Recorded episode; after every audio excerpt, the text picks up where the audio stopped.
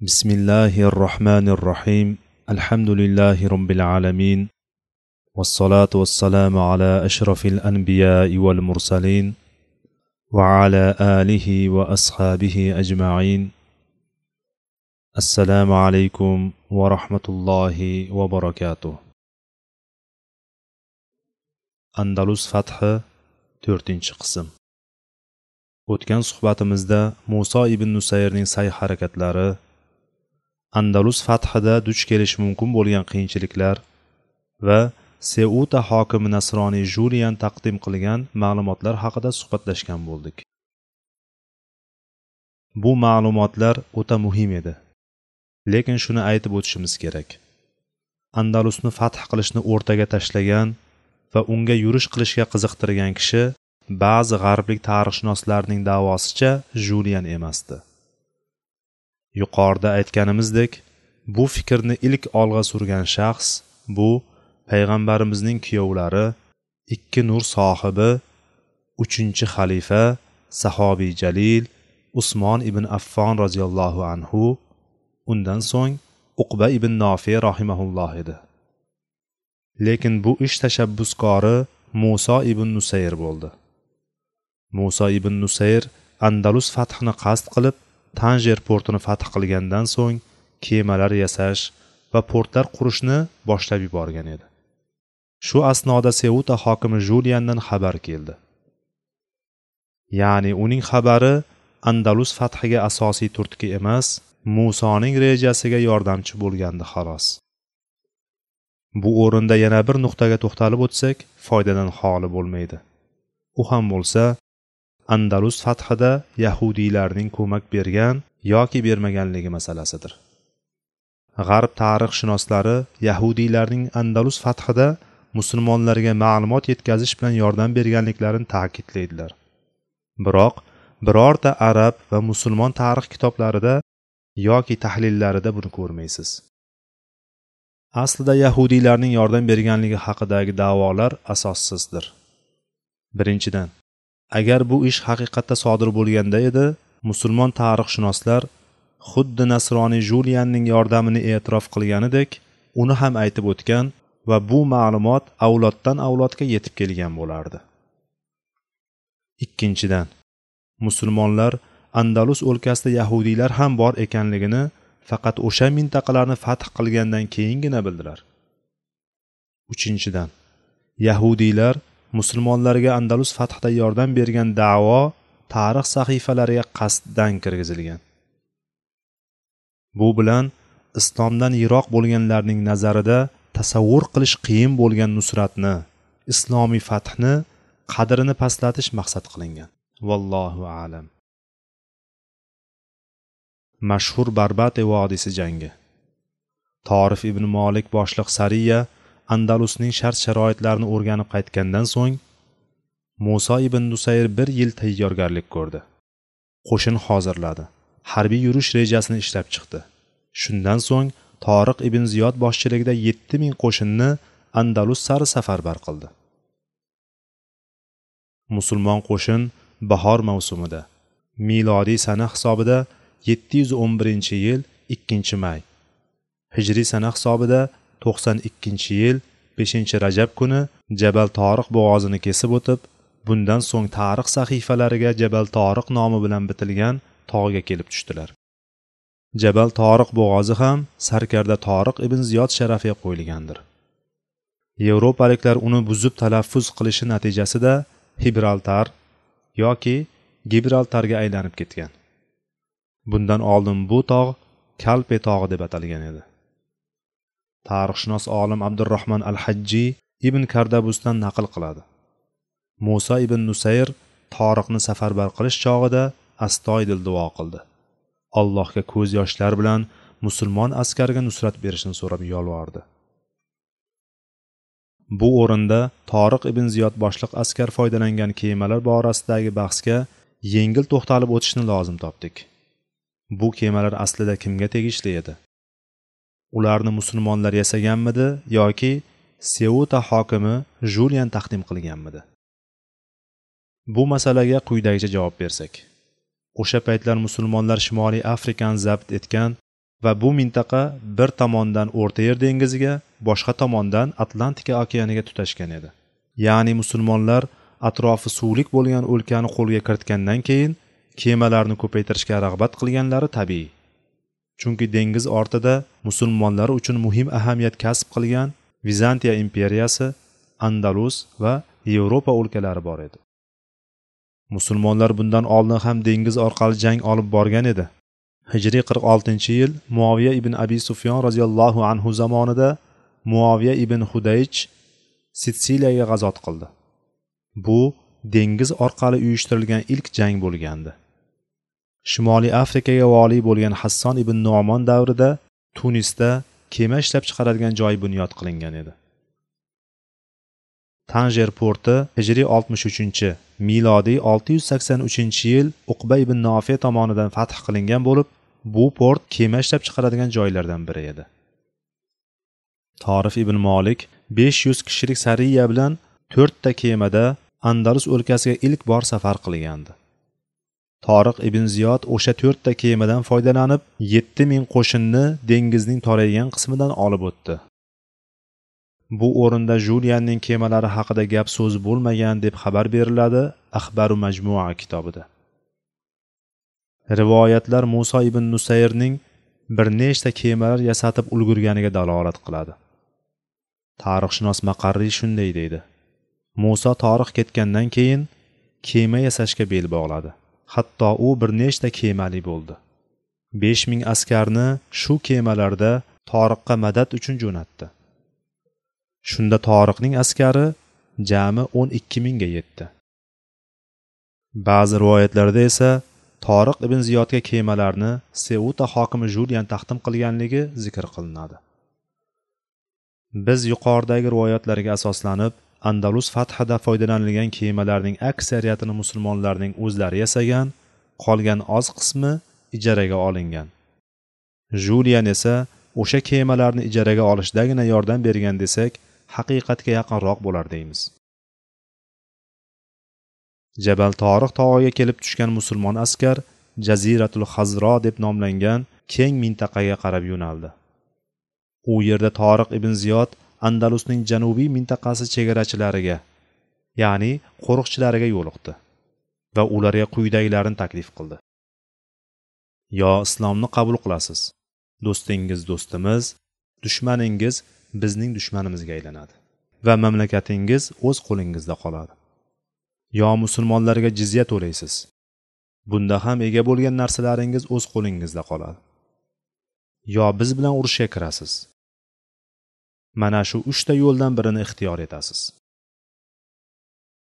Shunda mintaqa hokimi tudmir darhol andalus podshosi roderikka ahvolni bayon qiluvchi maktub yo'lladi. Roderik o'sha paytlar andalusning poytaxti bo'lgan toledo shahrida edi.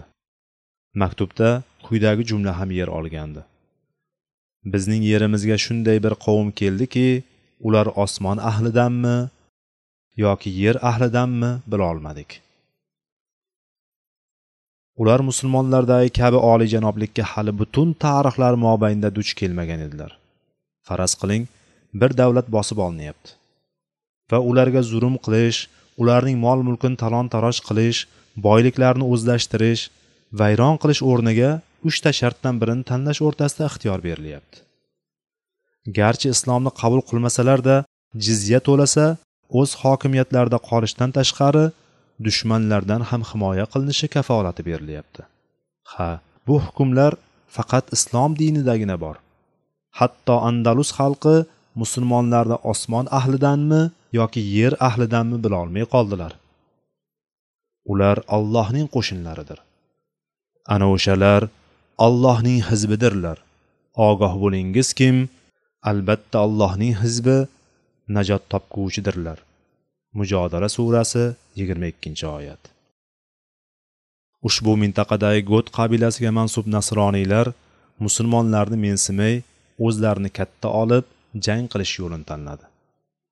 Musulmonlarni andalusning janubiga kelganidan xabar topgan roderik opasining o'g'li benisio boshchiligidagi qo'shinni bosqinchilarning tanobini tortib qo'yish uchun jo'natdi. Roderik boshida musulmonlarni mensimagan edi. Jaziratul hazroda ikki taraf o'rtasida urush boshlandi. Bu jangda g'alaba goh u tomon goh bu tomonga borib turdi. Uch kun davom etgan urushdan so'ng oxir oqibat toriq ibn ziyod g'alaba qozondi. Bu jangda nasroniy askar boshlig'i benisio o'ldirildi. Bundan xabar topgan roderik tepa sochi tikka bo'lib g'azab otiga mindi va zudlikla yuz ming askar to'plab janubga tomon otlandi toriq ibn ziyodning esa atiga yetti ming askari bo'lib ustiga ustak ular orasida otliq suvoriylar juda oz edi. Toriq muso ibn nusayrdan yordam so'rab maktub yo'lladi. Shunda muso ibn nusayr torif ibn molik boshchiligida besh ming piyoda askarni toriqqa yo'lladi. Shu bilan toriqning lashkari jami o'n ikki mingga yetdi. Toriq ibn ziyod jang uchun munosib makon axtarib tarix sahifalarida barbate vodiysi nomi bilan tanilgan joyga yetib keldi. U bu joyni urush qilishga eng munosib makonligiga ishonch hosil qildi. Chunki uning janub va sharq tomonida baland tog' bo'lib orqa va o'ng taraf bexavotir edi. Ushbu taraflardan birorta odamzodning kelishi o'ta mushkul. Vodiyning so'l tarafi ya'ni g'arbi ham tabiiy himoyali. Unda katta ko'l joylashgan. Toriq ibn ziyod vodiyning janubidagi kirish joyiga torif ibn molik boshchiligida kuchli askarni musulmon qo'shinining orqa tomoni himoyasi uchun tayin qildi. Vodiyning faqat shimol tomonigina g'anim uchun ochiq qoldirildi. Mag'rur roderik yuz ming qo'shinni barbati vodiysi tomon boshlab keldi. Uning toshu tog'larda yura oladigan hachirlari ham bor edi. Roderik boshida oltin toj egnida tillaga burkangan libosla ikkita yoki uchta hachirga qo'shilgan va tilla bilan bezalgan taxt uzra kelardi. Subhanalloh. U hatto jang va urush damlarida ham dunyosidan ayrilolmagan va uni ko'z ko'z qilish bilan ovora edi. Bu jang milodiy 711 yil 23 iyul. Hijriy 92 yil 28 ramazon kuni boshlandi. Ha ramazon oyida yuz berdi. Haqiqatda bu oy ro'za qiyom qur'on saxovat oyi bo'lishi bilan bir qatorda mujodala fath va nusrat oyi hamdir. Ikki tarafga nazar solgan kishi musulmonlarga achinishi tabiiy. Chunki zohiran qaraganda bu jangda musulmonlar soni o'n ikki minggina xolos. Got nasroniylari esa yuz mingdir. Lekin nasroniylarning ahvoli bundanda achinarlidir. Chunki mana shu ikki g'anim ya'ni mo'minlar va kofirlar robbilarining haq dini xususida talashdilar. Haj surasi 19 oyat. Bu husumatchilarning o'rtasida qanchalar katta farq bor? Jangga o'z ixtiyori bilan chiqqan olloh yo'lida yurishni bu yo'lda jonini fido qilishni shahodatni orzu qilgan. Jibs tog'lar misoli namozdagi safda turgani kabi jang qiluvchi musulmon toifa bilan jangga xohlamay ilojsizlikdan majburlab olib chiqilgan.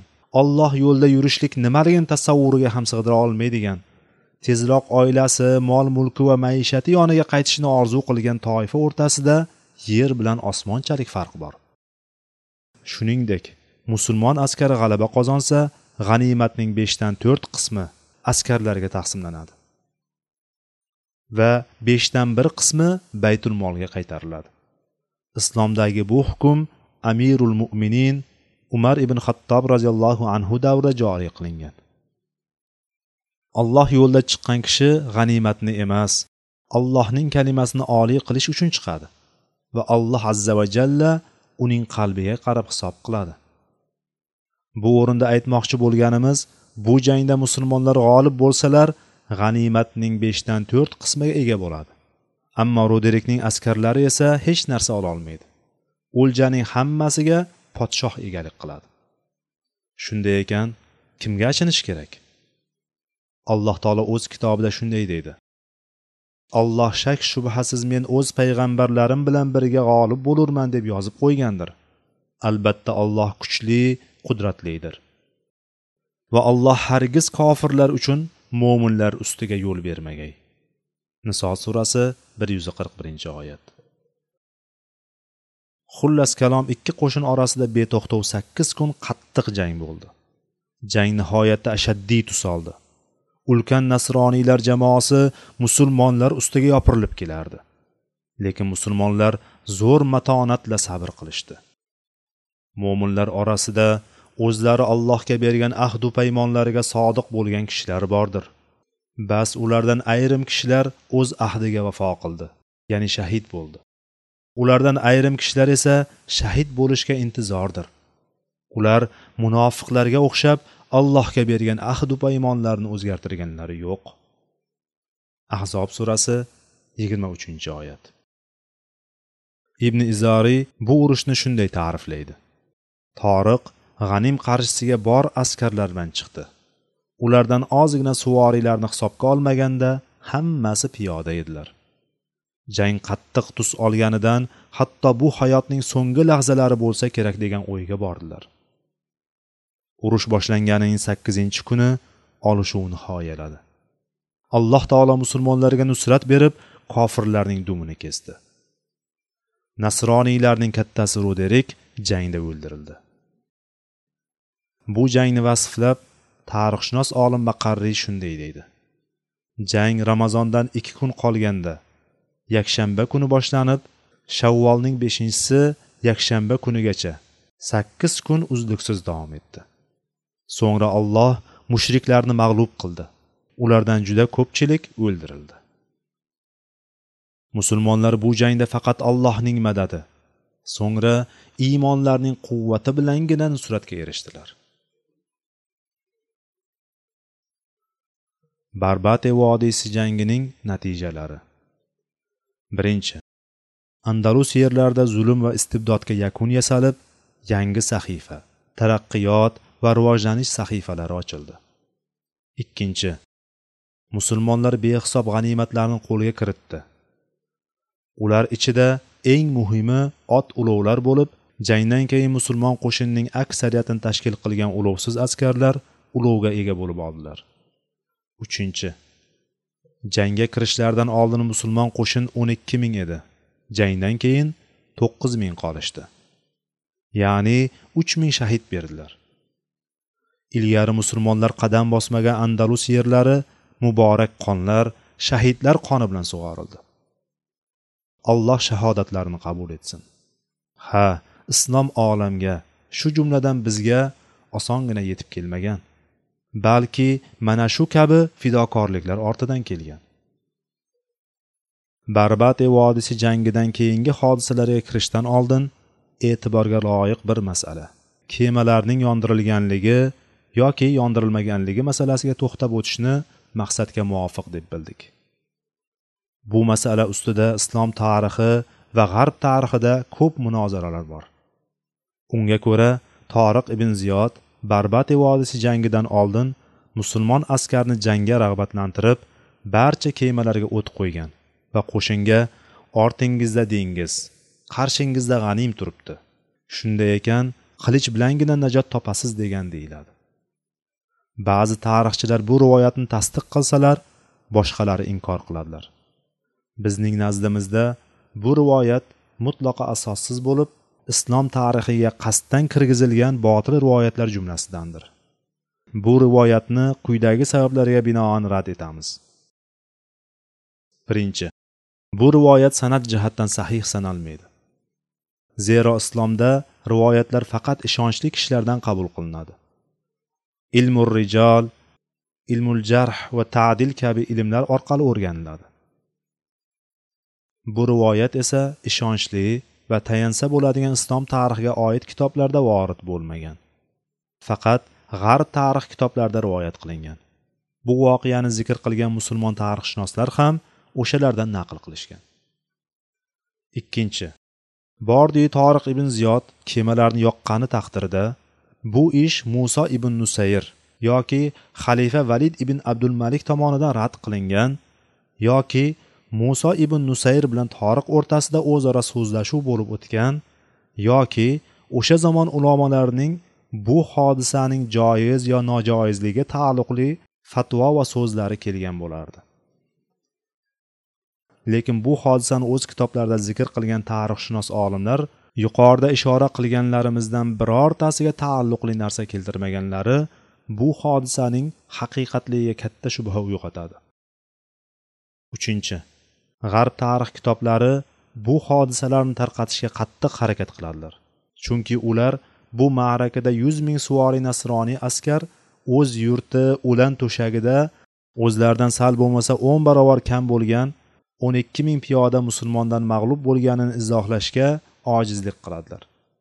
Shu yuzdan g'arblik tahlilchilar toriq ibn ziyod kemalariga o't qo'yib askarni noiloj bir ahvolga qo'ydi.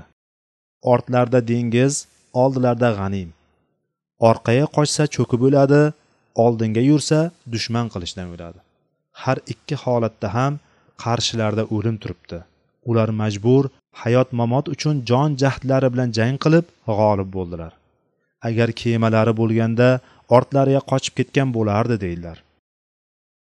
Bu tarixchi va tahlilchilar alloh taolo o'z kitobida bayon qilgan islomiy qoidani qayerdan bilsinlar?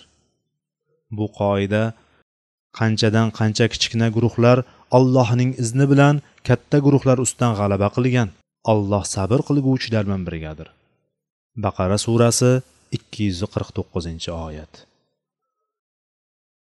Voqelikda islom tarixiga nazar solgan kishi oz sondagi askar katta qo'shinlar ustidan g'olib kelgani tabiiy hol ekaniga guvoh bo'ladi. Hatto aksariyat janglarda shunday bo'lgan. Ya'ni musulmonlar oz bo'lib ko'p sonli kofirlar ustidan nusratga erishganlar. Aksincha sonda ko'p bo'lgan kezlarda ko'pliklariga mag'rur bo'lib qolib mag'lub bo'lganlar. Alloh sizlarni ko'p o'rinlarda g'olib qildi. Hunayn kunini eslanglar. O'shanda sizlarni ko'p ekanligingiz mag'rur qilib qo'ygan edi. Ammo u ya'ni sanog'ingizning ko'pligi sizlarni hech narsadan behojat qila olmadi ya'ni qutqarib olmadi. Va sizlarga keng yer torlik qilib qoldi. So'ng yuz o'girgan holingizda chekindingiz. Tavba surasi yigirma beshinchi oyat. Bundan ko'rinadiki g'arbliklar musulmonlar faqat ma'lum nodir vaziyatlardagina g'alaba qozonadi. Ularning muvaffaqiyatlari tabiiy hol ilohiy madadlangan emas deya xabar tarqatishga haris bo'lishadi. To'rtinchi. Musulmonlarni kemalarni yoqish bilan jangga rag'batlantirishga hojat yo'q edi. Zotan ular dunyoning narigi chetiga sayr qilgani emas allohning yo'lida jang qilgani shu yo'lda jonlarini fido qilgani borgandilar. Yana ba'zilar bu hodisani fors qo'shini yamanga hujum qilganda fors lashkarboshisi askarlarni jangga g'ayratlantirish uchun kemalarga o't qo'yganiga o'xshatishadi. Fors sardori tomonidan bunday ish sodir bo'lgan bo'lsa bordir. Chunki ular ixtiyoriy jang qilmagan. Aksariyat o'rinda jangga majburlanganlar. Misol tariqasida mashhur zatus salasil jangini olaylik. Unda kofirlar musulmonlarga qarshi jang qilishga zanjirlar bilan bog'lab majbur qilingan edilar. Ammo alloh yo'lida jonini fido qilishga shavqlanib turgan musulmon askarni kemalarni yoqish bilan shavqlantirishga nima hojat bor? Beshinchi toriq ibn ziyod kabi mohir qo'mondonga kemalarni yoqib orqaga qaytish yo'lini barbod qilishi hech ham munosib emas. Agar mag'lub bo'lganda nima qilgan bo'lardi? Yengilmagan taqdirda ham musulmonlar ma'lum vaqtdan keyin ortga qaytishi tabiiy hol ediku. Ular alloh taoloning quyidagi oyat karimasini bilgan hollarida ortga o'girilishlari mumkin emasdi. Ey mo'minlar kofirlarning hujumiga duch kelganingizda ularga orqa o'girmanglar ya'ni qochmanglar. Kimki o'sha urush kunida jang yo'sinini o'zgartirish yoki boshqa bir guruh musulmonlarga qo'shilishdan tashqari holatda ularga ya'ni kofirlarga orqa o'girib qochsa bas u olloh tarafidan g'azab bilan ketibdi va uning joyi jahannamdir. Naqadar yomon oqibata? Anfol surasi o'n beshinchi o'n oltinchi oyat. Bu o'rinda zikr qilingan istisno faqatgina jang yo'sinini o'zgartirish yoki boshqa bir musulmonlar guruhiga qo'shilishdan iboratdir. Shunga binoan musulmonlar chekinib shimoliy afrikadagi musulmonlarga qo'shilishlari joizligi kelib chiqadi. Toriqning bu yo'lni yo'qqa chiqarishi mantiqqa to'g'ri kelmaydi. Shu bilan birga agar bu hodisa ro'y berganda ham o'sha davrning musulmon hokimlari va ulamolari bunga sukut qilishlari mumkin emasdiku. Oltinchi. Toriq o'sha kemalarning hammasiga ega emasdi. Ularning bir qismi seuta hokimi juliandan ijaraga olingandi. Ijaraga olingan kemalar vaqti kelib o'z sohibiga qaytarilishi lozim bo'lib toriq ibn ziyod birovning mulkini yoqishga haqqi yo'q edi. Xullas kalom kemalarni yondirish haqidagi xabarlar andalus fathini va musulmonlarning zafarini arzimas past qilib ko'rsatish uchun tarqatilgan uydirmadir. Vallohu alam. Toriq ibn ziyod barbati vodiysi g'alabasidan keyin fursatni boy bermasdan qolgan joylarni ham ishg'ol qilishni eng to'g'ri yo'l deb bildi. Bu quyidagilar bilan izohlanadi. Toriq barbati vodiysi jangida uch ming askarni yo'qotgan bo'lsa da musulmon askar ruhan ancha tetik va ko'tarinki kayfiyatda edi. Zero salkam o'n barobar ko'p va askariy ustun yovni yer tishlatgandilar kurashda yiqitgan kishining ruhiyati qanday bo'lishi hammaga ayon. Andalus nasroniylari esa ruhan tushkunlikda hamda musulmonlarga qarshi turishda madori qolmagan edi. Musulmonlarning g'alabaga erishganidan xabar topgan mag'rib va shimoliy afrika xalqlaridan ixtiyoriy jangarilar toriqning safiga kelib qo'shila boshladilar. Toriq askarining adadi yana ko'paydi. Zolim mustabid ruderikning zulmidan qutulgan xalqqa haq adolat ezgulik dini islom dinini yetkazishning ayni zamoni edi. Shuningdek gut nasroniylarning mag'lubiyatidan nasroniy julian foydalanib qolishi mamlakatga o'zi hokim bo'lishga harakat qilishni istab qolish ham ehtimoldan xoli emasdi. Shularni e'tibordan qochirmagan toriq ibn ziyod islomiy fathni davom ettirish uchun shimolga. O'sha vaqtlar andalusning poytaxti bo'lgan toledo shahriga yo'l oldi. Xo'sh toledoliklar uni qanday qarshi oldilar bu voqealar bilan kelasi suhbatlarimizda tanishamiz inshaalloh vallohu taala alam سبحانك اللهم وبحمدك أشهد أن لا إله إلا أنت أستغفرك وأتوب إليك وآخر دعوانا أن الحمد لله رب العالمين والسلام عليكم ورحمة الله وبركاته